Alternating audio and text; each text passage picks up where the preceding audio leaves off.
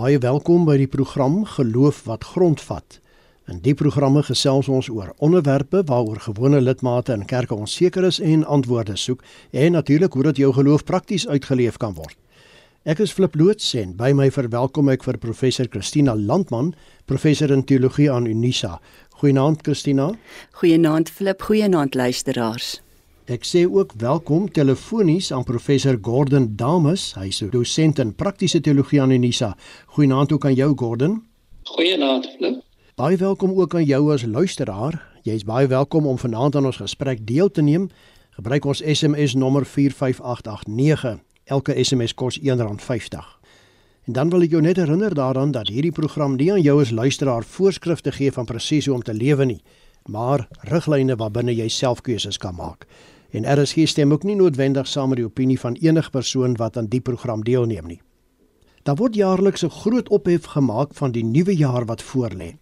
Aan die een kant is daar mense wat diep frons en wonder watter goed daar aan 'n nuwe jaar kan wees gedagtig aan die negatiewe ervarings van die ou jaar.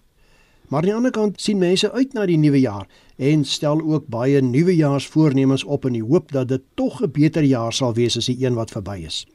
Die vraag is nou, is daar hoop vir die nuwe jaar? Geloof wat grondvat gesels vanaand hieroor. Christina, waarom maak mense jaarliks so groot ophef van die nuwe jaar? Flip, ek dink mense gebruik maar die geleentheid met nuwe jaar om hulle self te oortuig dat 'n nuwe begin wel moontlik is, dat daar 'n droom is om te droom, dat daar 'n kans is om te hoop dat dinge beter sal gaan. Maar ek dink wat ons hier eintlik wil vra is of Christene 'n vaste voet het om op te staan wanneer hulle hoop. 'n 'n hoop wat hulle nie sou gehad het as hulle nie gelowiges was nie. Nou, hoop is 'n belangrike waarde in die Bybel en Paulus is veral 'n ekspert in hoop. En hy maak geen geheim daarvan dat hoop nie net 'n blinde vertroue is nie. Dis nie net 'n moggetroffe ding nie, maar dat dit 'n ingesteldheid is teenoor die lewe en teenoor jou probleme wat gebaseer is op jou geloof in Christus en aangevuur word deur die Heilige Gees. So sou ek dan nou hoop dat gelowiges met nuwe jaar wel 'n ophef van die nuwe jaar sal maak omdat hulle rede het om te hoop. Gordon, as ons nou so luister wat sê Christina, is daar nou baie mense wat in hierdie rede wat hulle het om te hoop 'n sekere nuwejaarsvoornemens opstel. Wat sou jy sê hoe belangrik is sulke nuwejaarsvoornemens en is dit miskien maar net 'n vermorsing van tyd? Flip, ek het dit nog altyd moeilik gevind om so 'n lysie vir myself op te stel. Maar ek sal nie sê dat dit 'n vermorsing van tyd is nie. Dit help om ook jou prioriteite in orde te kry. Jy weet jou perspektiewe ook weer af te stof en vir jouself nuwe perspektiewe met 'n uh, vaste ingesteldheid in terme van die prioriteite wat jy vir jouself voorstel, daar te stel. So ek sou reken dat dit baie belangrik is. Maar Christina, aan aansluiting ook by wat jy en Gordon nou gesê het oor die nuwe jaar en jy het veral verwys na Christene se uitsig na die nuwe jaar, is daar tog heelwat doemprofete wat na die nuwe jaar 2022 kyk en meen dat dit beslis slegter gaan wees as die afgelope jaar. Veral as ons nou dink aan die ekonomiese knyptang, die verlies van werk, die vrese vir die pandemie en dood. Ag en ek kan seker so voortgaan. Wat is jou mening hieroor? Ek kan maar net weer na Paulus verwys, Filip wat werklik onder bitter moeilike omstandighede gewerk het. Hy was dikwels in die gevangenis, hy's geslaan ensovoorts ensovoorts, uh, baie slegter lewe as wat enigiemand van ons eintlik het. Tog as jy sy briewe lees, dan is dit dragtig aan die hoop, regtig waar, daar's hoop op elke bladsy, amper in elke vers. Maar wat Paulus sê is jy moet werk aan hoop. Dis nie net iets wat sommer lekker in jou kop kom bly nie. Dis iets wat jy moet maak groei. As ek net daar in Romeine 15 vers 13 lees wat hy sê, ja, laat die hoop groei. Dit is nie 'n vanselfsprekendheid nie. Nou jy sal onthou dat die klassieke teoloë, die teoloë wat so uit die middeleeue en daarna kom, gedink het hoop is 'n deug. Hulle het gesê hoop is een van die sewe deugde wat dan ook vir die kerk voorgeskryf was. Die sewe deugde is mos geloof, hoop, liefde, selfdissipline, regverdigheid, dapperheid, gematigdheid. En ons ken ook natuurlik hoop as een van die drie dinge wat in 1 Korintiërs 13 vers 13 gesê word waar Paulus sê nou bly dit geloof, hoop en liefde. So die ding dat hoop 'n deug is, is nogal vir my baie belangrik. En ek dink dit is wat 'n mens kan gebruik om die doemprofete om jou en in jou uit te oorlê.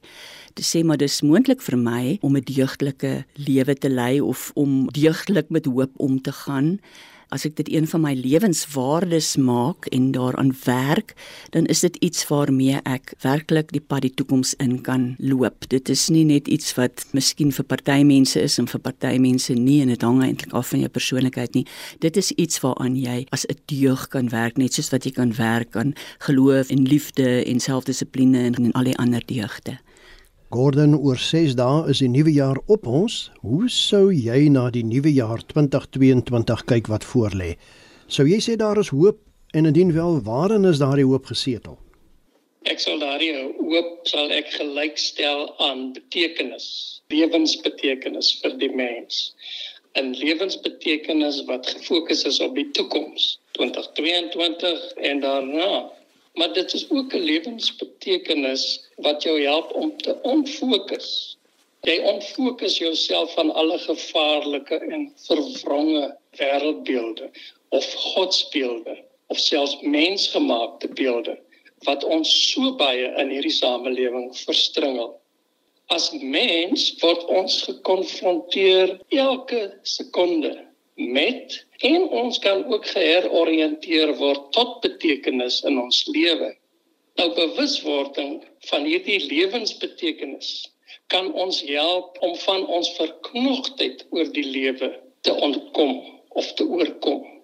Die betekenis van die menslike bestaan en die mens se soeke na betekenis is eintlik diep in ons harte gewortel. Dit is 'n motiveringskrag dit is 'n wil tot 'n soek na betekenis in ons lewe. Met ander woorde, die unieke, daardie spesifieke ding wat vir my selfvervulling gee. So 2022 moet vir my die geleentheid skep om nuwe lewensbetekenis vir myself en vir die mense rondom my te skep. 2022 sal dit natuurlik nie vir my doen nie ek is en behoort 'n aktiewe agent te wees om dit te skep. Dit is RSG met die program Geloof wat grondvat en ons gesels vanaand oor is daar hoop vir die nuwe jaar. Ek is Flip Loots en my twee gaste is professor Christina Landman en professor Gordon Dames. Jy's luisteraar kan gerus saamgesels, gebruik die SMS nommer 45889. Onthou elke SMS kos R1.50. Nou Christina, jy is ook baie betrokke in die kerk. Watter boodskap sou jy sê het die kerk aan sy lidmate en eintlik aan die land met betrekking tot die nuwe jaar? Flip ek sou kon sê dat ons met redelike vrymoedigheid aan ons lidmate kan verkondig dat God saam met ons in die hoop besigheid is. Eintlik as dit is soos wat Paulus sê God die bron van ons hoop is, dan is hoop iets wat ons na God toe kan lei en ons kan God beter leer ken omdat ons hoop en ons kan God ook meer geniet omdat ons hoop, omdat ons nie in ons ellendes vassteek en God daarvoor verwyd nie. Maar deur hoop kan ons eintlik helderder sien wat die doel van ons lewens is soos wat Gordon nou net verduidelik het. So dit is 'n boodskap wat met groot vrymoedigheid en amper vanaf elke bladsy van die Bybel af aan ons lidmate verkondig kan word. Dit is regtig 'n sentrale boodskap in die Bybel en dit is baie versterk deur natuurlik Jesus se koms en die uitstorting van die Heilige Gees. Maar Gordon, dit gebeur nou dat baie mense hopeloos geraak het as ek nou kan aansluit by Christina. Hoe sou 'n mens die negatiewe perspektief van mense oor die vooruitsig met betrekking tot die nuwe jaar kon omkeer of dink jy dit kan glad nie gebeur nie? Dit kan beslis omgekeer word. Jy sien, hoop werk deur die donker. As ek nou hier saam met Dirkie Smit kan praat, dit is om te kan sien in die donker en deur die donker te sien. Maar hoop is 'n werkwoord. Dit is 'n verantwoordelikheid, 'n verantwoording van die mens. Dis 'n taak aan ons opgelê om ons totale lewenswerklikheid te sien in die lig van Jesus Christus se lewe op aarde. Met ander woorde soos Bonhoeffer ook sê, met die oë van Christus na hierdie wêreld te kyk. En Martin Luther ook 'n kerkvader het gesê die hart van geloof is om te sien wat jy nie sien nie en dit wat jy sien nie te sien nie. Hoe belangrik dink jy is dit vandag in ons wêreld met die massa media rondom ons? Dat mense dit wat hulle sien, nie sien nie en dit wat jy wel sien, nie te sien nie. Met ander woorde, ons moet met nuwe oë kyk, soos die hele Bybel in die Nuwe Testament vir ons leer. In Hebreërs 11 is dit so fantasties sê Luther vir ons ons wat die sienlike sien, moet in staat wees om die onsienlike met 'n hoofletter O, die onsienlike God te sien agter hierdie sienlike dinge wat ons elke dag teekom. So met ander woorde, ons moet ons omstandighede sien soos God dit sien en nie soos ek dit sien nie. Christina, ek lees iewers dat iemand oor die nuwe jaar skryf: "Dis nie die bestemming wat saak maak nie, maar dis die reis. Jy moet elke dag as 'n nuwe avontuur en positiewe uitkomste verwag." Dit lyk my so alof die skrywer meen dat dit van jouself afhang of die nuwe jaar vir jou 'n sukses gaan wees. Stem jy saam? Flip, dit is soos wat Gordon nou net gesê het. Hoop is 'n werkwoord. Deur hoopvolle dinge te doen, word jou hoop dan ook meer en wat die lekkerste ding van hoop is, is dat hoop begin dinge aan jou te doen. As jy hoopvolle dinge doen, dan begin hoop dinge aan jou te doen dan gebeur wat Gordon nou so mooi beskryf het dat jou oë oop gaan vir die skoonheid, die moontlikheid van die lewe, die goeie in ander mense en dat daar verby buitekant jou donker wolk dan daar 'n moontlikheid bestaan. Dit is wat gebeur as jy toelaat dat nie net dat jy hoop doen nie, maar dat hoop dinge vir jou doen. Gordon, daar is baie, as ek hulle so mag noem, stukkende mense rondom ons. Hoe motiveer jy iemand wat 'n nagekom is of 'n gebroke huwelik het of wie se verhouding met kinders skeef geloop het om wel uit te sien na die nuwe jaar? Flip hier wil ek saam met uh, Henry Nouwen praat. Ek wil ook hier in besonder saam met Viktor Frankl praat. Soos julle weet, Viktor Frankl was in die uh, kampe in Duitsland. Ek sou begin deur te sê dat ons die geneigtheid, die vermoë moet begin aanleer om te kan wag ons moet kan wag vir môre. Nou dit is 'n daad van Christelike leierskap. Of jy nou 'n pa is of jy 'n man van 'n vrou is of jy geskeide is, ons moet die daad van leierskap kan opneem. Dit is ons diepste geloof, ons diepste menswees lê in die waarde en die betekenis van die lewe. Dis 'n sterk hoop wat die grense van die dood self kan deurbreek. Maar dit is diensbaar. Dis 'n hoop wat diensbaar moet wees met ander woorde die gebroke mense rondom my of ek self wat gebroken is, jou naaste, ek moet diensbaar aan hulle wees. Hoe moeilik, hoe pynlik ook al, dis 'n selfverlonende ervaring. En dit kan jou uit jou tronk van verwarring, van vrees bevry. Dit is slegs deur gemeenskap met mense leiding dat ons verligting in hierdie wêreld kan vind. Viktor Frankl leer die kuns aangeleer om na die kunste rondom hom te sien, om hoop te vind, betekenis in sy lewe te vind, maar ook humor. Dink jouself in daardie omstandighede om om 'n sin van humor te ontwikkel. Dit help ons om 'n vermoë te skep wat uitstyg bo al ons omstandighede alsou ons omstandighede vir ons dreig met die dood.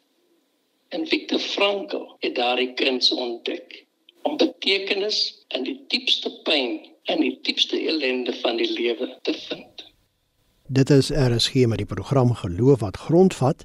En ons gesels vanaand oor is daar hoop vir die nuwe jaar?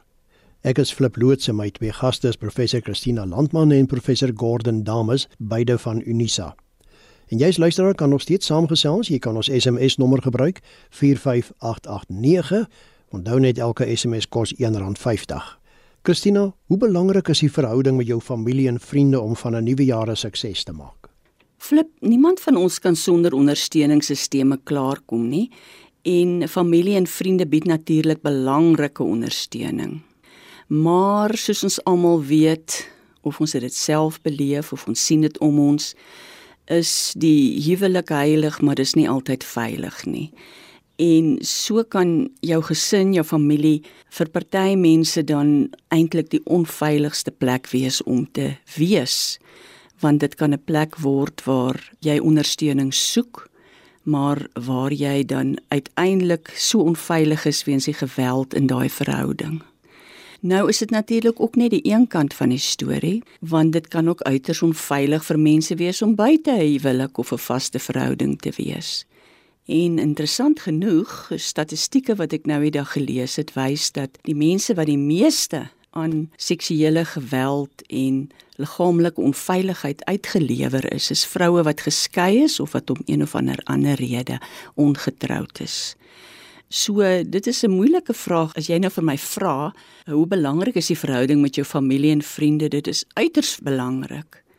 Maar dikwels veral in Kersfeestyd vind mense hulle self in situasies waar daai ondersteuningssisteme van die familie juis teen hulle draai en waar hulle aan hierdie geweld uitgelewer is, maar dan is ook al weer 'n ander uitsondering daarop dat die meeste geweld is eintlik teen vroue wat nie getroud is nie of wat geskei is en wat daarom baie baie weerloos is in verhoudings meer selfs nog as wat eh, getroude vrouens is. So, wat sê ons nou eintlik? Jy kan nie jou hoop op 'n verhouding sit om jou gelukkig te maak nie, ongelukkig nie.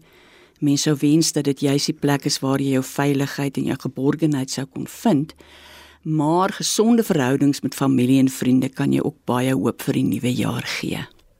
Gordon Albert Einstein het by geleentheid gesê: "Leer van gister, lewe vir vandag en hoop vir môre."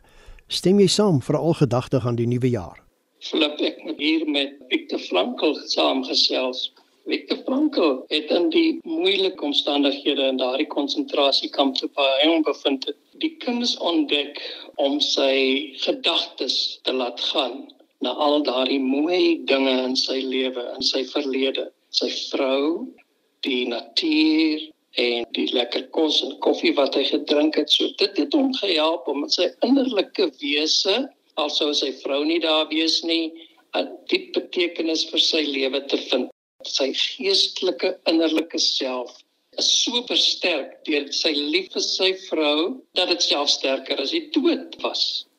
Nou, dit is 'n intensifisering van die innerlike lewe. Dit help die gevangene om vryheid te vind, om vry te word van die leegheid, van die verlatenheid, van die geestelike armoede wat ons omstandighede in ons lewens rondom ons aan ons doen. Maar dit is om onsself toe te laat om na die verlede te vlug. Is dit nie mooi nie? Jy weet al daardie goeie, mooi, betekenisvolle vol oomblikke wat ek met my geliefde geniet het om dit terug te vind in my innerlike geestelike self.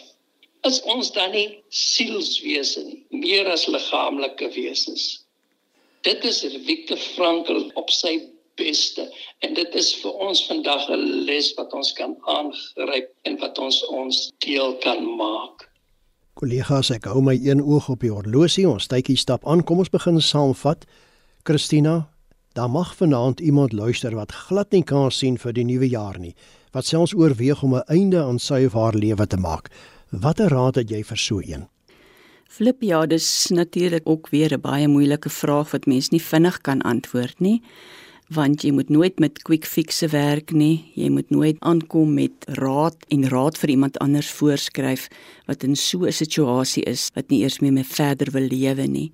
Maar ek sou tog wel so 'n persoon wou uitnooi om te kyk wat is reg met jouself en nie verkeerd nie en wat is reg met die mense in die situasie om jou en nie verkeerd nie. Dis soos Gordon nou net verduidelik het om gedurig te kyk maar is daar nie ook 'n alternatiewe verhaal aan die verhaal wat ek nou lewe, die verhaal wat my so moedeloos maak, wat so vol probleme is dat ek nie meer wil lewe nie.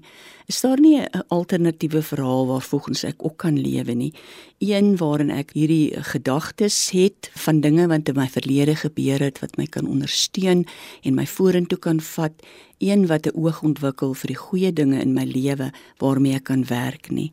'n Mens moet maar met so 'n persoon 'n pad stap, al het jy min tyd, om te sien wat het al vir so 'n persoon hoop gegee in die verlede waarop jy dan 'n toekoms saam met hierdie persoon kan bou. En as dit 'n gelowige persoon is, dan kan jy natuurlik saam met so 'n persoon die hoop wat geloof bied ontgin. Maar ja, daar is nie net sommer helps en hints wat jy kan gee om so iemand uit 'n baie diep gat te pluk nie. Wat sal help is dan om te sê reik uit vir hulp en dat daardie hulp sal kom om jou weer in kontak te bring met die dinge wat waarde en sin aan jou lewe gee. Gordon, die laaste woord is joune vanaand. Hoe maak 'n mens van 'n nuwe jaar en daarmee eintlik van jou lewe 'n sukses, al voel dit of omstandighede teen jou tel? Ja, ek sou wou sê dat ons weg moet draai van die wêreld van begering en dat ons na die wêreld van verlange of 'n samelewing van verlange moet keer. Met ander woorde, ons moet na God kan verlang. Ons moet na mense en na mekaar verlang, nie die suksesse en die eie belange van die wêreld nie. Hoop is die vertroue dat dit nooit te laat is nie. Dit is 'n lewende verwagting na dit wat goed is, nie die bose en die slegte dinge in die lewe nie. Dit is 'n lewende verlange van die Christelike hoop, 'n rots met 'n outeur, Jesus Christus van hoop. Die lewenshoop waaraan ons kan vashou. Dit dan al in finansie geloof wat grondvat. Baie dankie vir jou as luisteraar se saamkuier en 'n baie groot dankie aan my twee gaste, professor Christina Landman en professor Gordon Dames vir hulle bydraes. Christina, Gordon, indien van ons luisteraars verder met julle wil gesels, hoe kan hulle maak? Christina, jy eerste? Hulle kan gerus vir my 'n WhatsApp stuur by 082 377 2574. En jy Gordon? Ek sou aanbeveel dat mense hulp verleen of hoop bied aan mense wat hopeloser as hulle is. Deur daardie handeling sal daar iets gewaar word wat hulle baie meer sal help as wat ek hulle kan help. En my kontakinligting is flip by mediafocus.co.za. Nou ja, hiermee groet ons dan wat hierdie reeks van programme geloof wat grondvat aanbetref. Dis die ou jaar, ons loop daarmee uit. Baie dankie vir almal wat saamgekuier het.